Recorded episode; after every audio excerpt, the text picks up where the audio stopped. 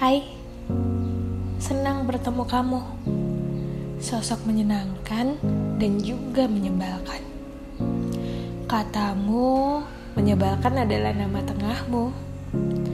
Emang iya, karena si menyebalkan selalu ikut denganmu ke mana pun kamu pergi. Tapi entah kenapa, aku benar-benar tidak keberatan dengan itu. Terima kasih sudah datang.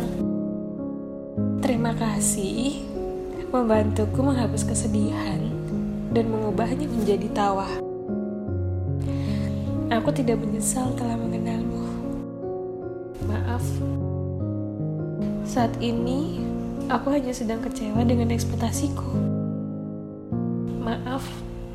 Tiba-tiba aku menjadi orang yang menyebalkan karena sedihku sedang mendominasi perasaanku saat ini. Aku hanya tidak siap untuk tiba-tiba jauh darimu. Aku hanya tidak siap untuk tiba-tiba tidak mendengar kabarmu.